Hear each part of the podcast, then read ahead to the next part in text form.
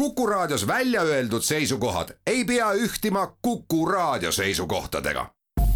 Te kuulate Kuku Raadiot.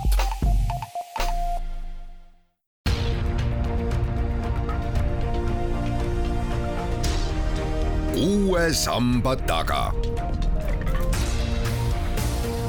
sammaste taha aitab vaadata sajaaastane eestikeelne rahvusülikool tere, täna on ülikoolist tulnud mikrofonilt kaks meest, et rääkida kolmekümne ühe inimese tööst ning selgitusi jagavad professor Toivo Maimets, rakubioloogia õppetooli juhataja ja Vivariumi juhataja Sulev Kuuse, neid usutamas Madis Ligi ning me võtame kõneks eestikeelse rakubioloogia õpiku kuid eh, iga asi põhineb millegil, mis on see vundament ehk mis on tehtud enne, kui teie selle õpiku kokku panite, et loodusteaduslikku tarkust jagada? no sel õpikul on tegelikult pikk ajalugu tõesti, täpselt kolmkümmend aastat saab sellest mööda, kui me asutasime Tartu Ülikoolis rakubioloogia õppetooli.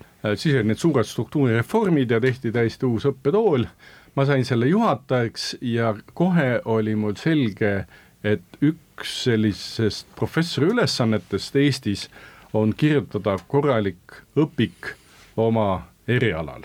ma mõtlesin just nende ülikooli professorite peale, kes kahe sõja vahel suutsid väga viletsatel aegadel väga korralikud eestikeelsed õpikud välja anda ja mõtlesin, no ega me ei saa viletsamad olla.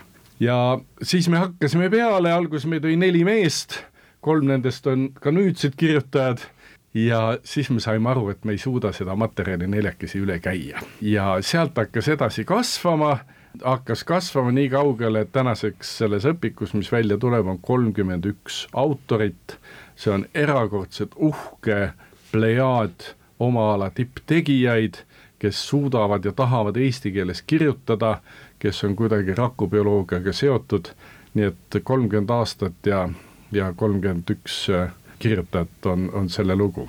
me pidime alguses eriti tükk aega oma kolleegidega vaidlema selle üle, miks peaks üldse eestikeelne õpik olemas olema, on ju neid ingliskeelseid sädelevaid, toredaid, mille järgi üle maailma õpetatakse, neid on ju päris mitmeid ja miks eesti keel peaks olema üldse see keel, milles teadust tehakse ja teadusest räägitakse sellele on mitmed vastused olemas, üks minu lemmikvastuseid ulatub taga, tagasi kaheksateistkümnendasse sajandisse, filosoof äh, Johann Herder oli selline mees, kes oli Immanuel Kanti õpilane, kes töötas Riias viis aastat, Toomkiriku kõrval on ka tema ausammas olemas, ja tema oli üks esimesi, kes ütles, et mõtlemine sõltub keelest.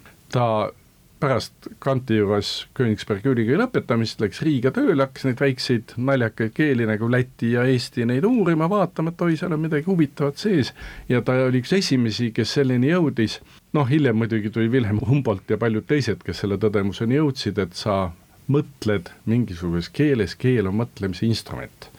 ja minu esimene vastus on see, miks eesti keeles, on see, et kui me kõik ainult inglise keeles mõtleksime siis meie teaduse pilt oleks tunduvalt vaesem kui täna, kus me räägime rakubioloogiast, teadusest sadades erinevates keeltes, mõtleme erinevates keeltes ja suudab ka eesti keel rikastada seda maailma teadust. Ja vot selleks on meil vaja oma eestikeelset õpikut kui vaadata viimast kümnendit, siis teie valdkonnast, loodusvaldkonnast on ju võtta neid õpikuid veel, et mis käivad nii geneetika, bioinformaatika kui keemia aluste kohta ja teil ju rakubioloogia e-õpik oli ju varem olemas. jah, kümme aastat tagasi oli juba e-õpik aga esiteks seda oli vaja natuke parandada, sest iga asi, mis tehakse, ei ole alguses kohe täiuslik ja, ja me arvasimegi, et kui me teeme raamatu kujul asja, siis me saame seda lihvida ja sättida ja nüüd me oleme teinud ma arvan, julgelt viis aastat tööd tegelikult, et seda raamatut saada selliseks, nagu ta nüüd välja tuleb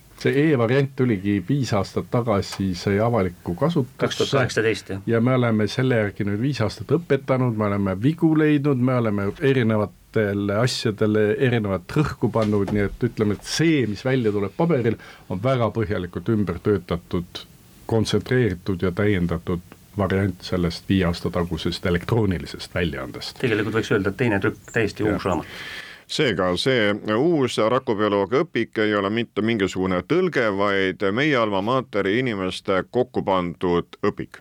jaa, ka see oli üks küsimus, et miks te kirjutate originaalõpikut, et on olemas needsamad väljamaised õpikud, võtke tõlkige, on palju lihtsam. ja tõepoolest mitmel erialal ka Tartu Ülikoolis on seda teed mindud ja väga häid tõlkeõpikuid on Eesti, Eesti autorid tõlkinud nüüd me vaatasime kõik need üle, mille järgi me igapäevaselt õppetööd niikuinii oleme teinud ja probleem on selles, et on olemas molekulaarse rakubioloogia õpikud, on geneetika, on arengubioloogia, aga rakubioloogia distsipliinina seob kõiki neid omavahel kokku. ja tegelikult, kui me vaatame neid välismaiseid suuri õpikuid, siis ühtegi sellist, mis meie ettekujutuse järgi peaks rakubioloogiat täielikult hõlmama, lihtsalt ei ole. ja selle tõttu me otsisime inimesi geneetikast, biokeemiast, äh, arengubioloogiast, füüsikast, mujalt, nii et me saime kokku sellise tervikliku pildi, mismoodi rakubioloogia täna Eesti autorite välja panduna kõlab lisaks on siin veel see, et, et me ei kirjuta ainult bioloogide poolt seda raamatut, meil on arstid veel pundis ja, ja seltskond on palju laiem.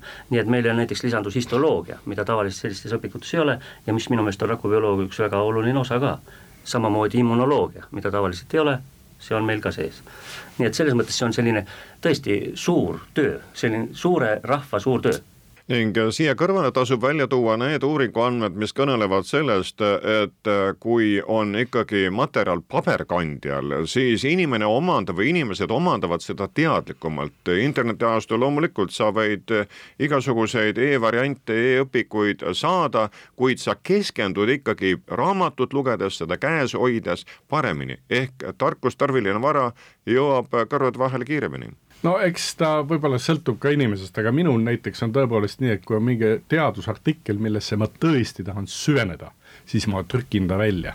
ma keeran seda lehte edasi ja tagasi, vaatan tagant viiteid, vaatan, mis see alguse osa oli, jah, niimoodi on, mulle tundub ka, et paberi peal väga süvenemiseks on see kõige parem kandja. ja üks asi, mis meil veel selgus töö käigus, kui sa arvutist teksti loed, siis sa ei leia oma vigu üles, kui sa trükid paberi peal välja, vot siis sa hakkad nägema, kus on vead sees, kus midagi on vaja muuta, nii et selles mõttes on paberkandjal töö ikka palju parem see resultaat minu meelest on lugejale ja õppijale kindlasti parem. kui kerge või raske oli kolmekümne ühe inimese töö kokku viia, panna ühtede kaante vahele? Eks see oli ikka oma, omajagu tööd, ma arvan see.... ja autoreid oli kolmkümmend üks, aga lisaks oli ju veel terve hulk, seal on originaaljoonised, seal on tegelikult meil oli tegijaid kaheksakümmend kaks inimest jooniste autorid, illustratsioonide autorid, fotode autorid, need, see oli, metsik töö oligi just kogu see seltskond panna ühe asja nimel tööle. see oli kõige hullem. Tartu Kunstikooli õpilased jaa, aitasid illustreerida meid. aitasid meil illustratsioone teha sinna, nii et ka suur hulk illustratsioone on täiesti originaalsed. ja mida ma veel tahan öelda, on see, et ühest küljest see õpik seob ära kogu need kolmkümmend üks autorit, kes Eestis täna selle alaga tegeleb, aga me vaatame ka taha ajalukku. meil näiteks on professor Jüri Kärdneri tehtud pilt, elektronmikroskoobi pilt lüsosoomidest, mille uurimise eest saadi Nobeli preemia, äh, Jüri oli küll juba siis manala vist, vist manala, manala teel, aga ka sellised asjad, nii et me vaatame ka seda head, mida on enne meid tehtud ja, ja hoiame seda alles.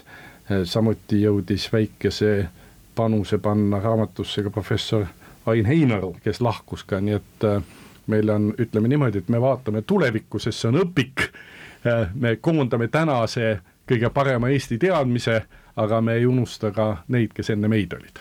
Ja vot selle unustamise koha pealt ka ma mõtlesin, et me peaks kindlasti, sa enne rääkisid Herder ja, ja Goethe ja, ja kõik tähtsad mehed, et eh, tegelikult Eesti rakubioloogiale võib-olla omal ajal panid alusse Johannes Piiper ja, ja Juhan Aul. Nii et nende tööd me oleme ka selles mõttes jätkanud, et Piiperi tsitaat on meil raamatus sees ja, ja lisaks sellele võib-olla kui Eesti rakubioloogiast rääkida, siis üks ähm, kindel selline suunapanija Eesti rakubioloogiale minu meelest oli ka Kalju Põldvere kindlasti. ja, ja võib-olla Kalju Põldvere mõtteid, ma olin kunagi Kalju Põldvere all doktorantuuris isegi mingil ajal. ja Kalju Põldvere mõtteid on ka siin raamatus sees, mitte otseselt küll, aga, aga need on tulnud läbi aegade lihtsalt tema mõtted, mis on läinud nüüd teise vormi. nii et minu meelest sellise raamatu juures ongi kõige tähtsam see, et et me suudame, me proovime vähemalt eh, edasi anda kogu seda, mida me oleme siiamaani õppinud ise. äkki siis teised saavad sellest kasu.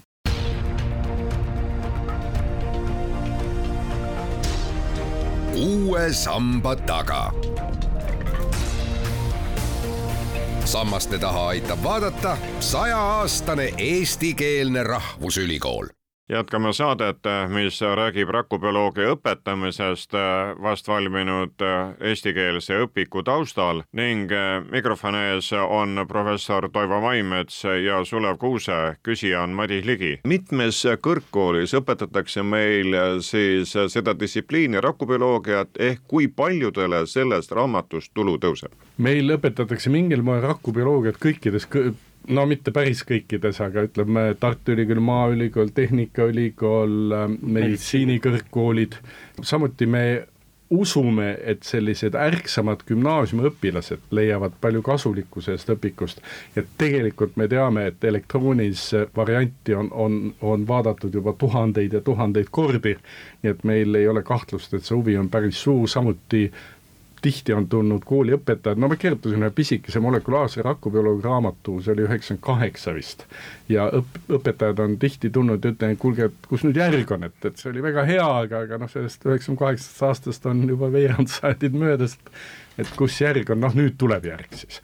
nii et äh, me usume, et sellest on ikka päris laiale seltskonnale inimestest kasu kuid kuidas te tõite sisse need kõige uuemad teemad, mille valdkonnas ei ole isegi veel eestikeelseid termineid, kui palju nõudis see tööd, et leida need emakeelsed vasted ning äh, siis võtta just nimelt see teema, mis on nii-öelda viimane vint äh, sellest äh, valdkonnast? no üks asi on see, et sellisesse õpikusse, mis ma loodan, jääb, jääb ikka nagu aastateks selliseks tüvitekstiks, ei saa päris eilset teadust pannagi sisse.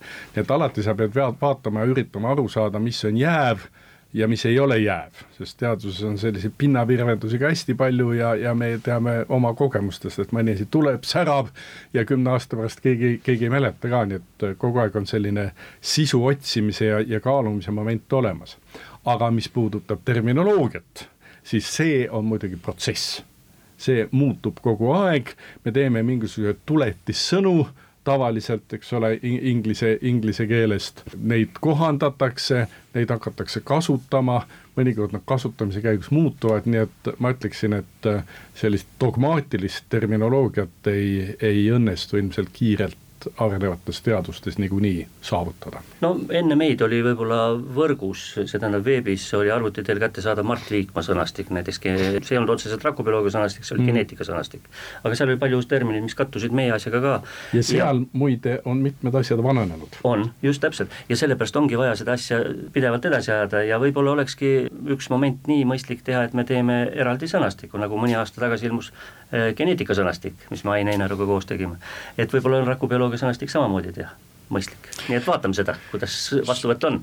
Sulev, sellega seoses tuleb meelde, et omaaegsest teaduslikust keskustelust tuli ju tavakeelde sõna geen jaa, muidugi, jah, neid sõnu on palju, mis on niimoodi tulnud, nii et, et jah. selge see, et äh, nüüd on äh, siis see raamat kohe tulemas e, e-variandile te juba viitasite, kas selles ees on ka õppevideod olemas, mis on ju tarvilikud, äh, olgu siis gümnaasiumis või olgu ülikoolis? õppevideosid praegust hetkel meil ei ole ja, ja võib-olla no me praegust keskendusime rohkem selle raamatu versioonile, et sinna ei saa õppevideosid panna ka, aga aga meil on kindlasti plaanis nüüd kaasajastada see e-variant ka, et praegusel hetkel ta on küll olemas, aga see, ütleme, võtame võrgust maha ja kaasajastame e-variandi just niimoodi, et sinna tuleks videosid sisse, pilte sisse, mingeid äh, viiteid äh, teistele võrgukohtadele, mida raamatusse ei saa panna. hea küll, meil raamatus on küll olemas viited, veebiviited on olemas, aga, aga ikkagi äh, inimene peab siis selle sisse toksima, nii et et me teeme kindlasti seda varianti, aga, aga see võtab kõik ka jälle aega. õppevideod on muidugi väga oluline mõte, aga siin koha peal ma tõmbaksin küll eesti keelele ja inglise keelele nii-öelda piiri alla, sest lihtsalt inglisekeelsel maailmal on nii palju rohkem ressursse, et teha väga häid ja, ja, ja väga kalleid ja õpetlikke videosid, nii et kui meil on olemas see eestikeelne baassõnavara, mille me anname, siis on kõik võimelised ka neid, neid, neid videoid jälgima ja, ja eesti keelde panema. No ma õpetan praegust näiteks molekulaarbioloogia aluseid ingliskeelsele kuulajaskonnale ja ja näiteks Khan Akadeemia ja muid selliseid kohti on võrgus väga palju ja tõesti on need ideaalsed videod sa pääsed paljudest keerukatest asjadest seletamisest, kui sa näitad seda videot. üks pilt on palju parem kui tuhat sõna, võib-olla öeldakse nii.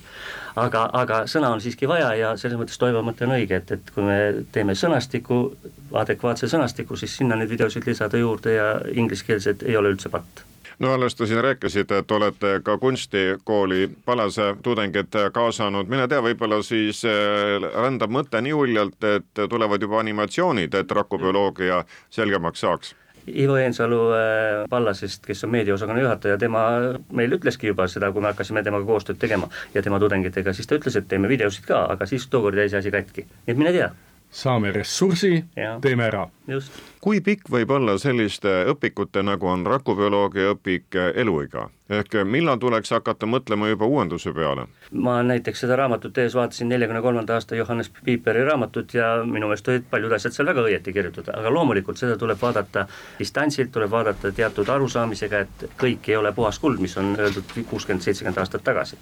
nii et ma arvan, ma pakun, et viis aastat, kümme aastat on need teadmised täiesti tasemel, aga põhiasjad jäävad kestma, ma arvan, noh, seda ei saa öelda, et igavesti, aga need põhiasjad ei muutu kindlasti. no see ongi see sihi sea-, seadmise asi, eks ole, kui uut kas me eilse Nature artikli võtame sinna sisse või ei võta ja ma ütleks, et meie jaoks selline siht on, oli ikka umbes see, et kümme aastat võiks ta põhijoontes -hmm. olla kehtiv igal juhul detailides asjad muutuvad, aga noh, alla kümne ei ole mõtet sellist suurt, suurt tööd, tööd teha. see on ikkagi teadmiste allikas nii nendele inimestele, kes on tulnud kuue samba taha õppima, olgu siis arstiteadust, bioloogiat või mida iganes, mis selle valdkonnaga seondub, või ka nendele ärksamatele peadele, kes on gümnaasiumites.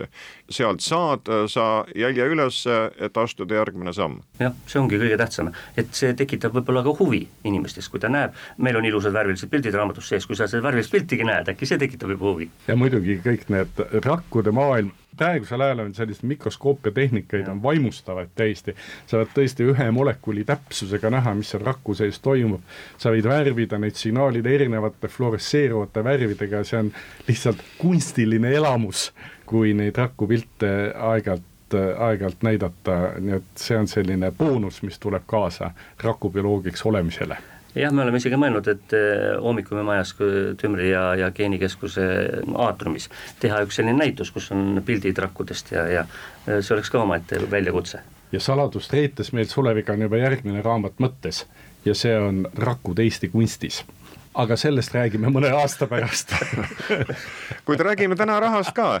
kas see õpiku tegemine oli lihtsalt ettevõtmine teie põhitöö kõrvalt või on selle peale ka spetsiaalsed vahendid või mõni eurofond, mis aitab siis tarkust kaante vahele panna? Eesti Haridus- ja Teadusministeeriumil on väga tänuväärne programm, mis on aastaid käinud juba, see on eestikeelsete kõrgkooliõpikute programm ja neid oli, just oli professor Agulaisa fotosünteesi õpiku esitlus ja eluenergia. see oli eluenergia pealkirjaga ja eh, see oli kolmekümnes mis selles õpikute programmis ilmunud on, nii et see on ääretult tänuväärne töö ja tänu sellele programmile on saanud rahastuse rahastuse väga paljud algused. tõsi, kui me nüüd enda rahastamise ajalugu vaatame, siis see oli ainult selline esimene tõuge, et saada asi käima, siis juba rong sõitis ja kütus oli otsas.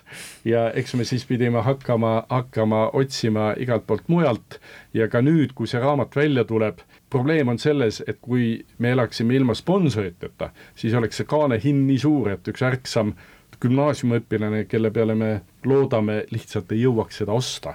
ja tänu sellele on mitmed Eesti biotehnoloogiafirmad, kes on meie endised kolleegid või endised õpilased, on pannud ka tegelikult õla alla just täpselt selleks, et seda raamatu kaane hinda allapoole saada, neid firmasid on terve rida, lisaks on Tartu Ülikool loomulikult äh, seda toetanud, nii et toetust oleme palju saanud ja ma usun, et see lõpphind jääb jõukohaseks.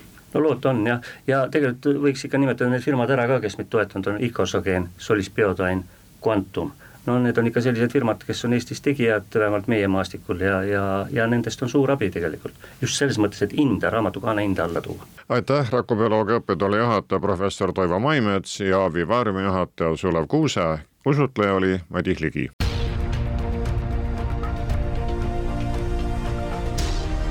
uue samba taga sammaste taha aitab vaadata sajaaastane eestikeelne rahvusülikool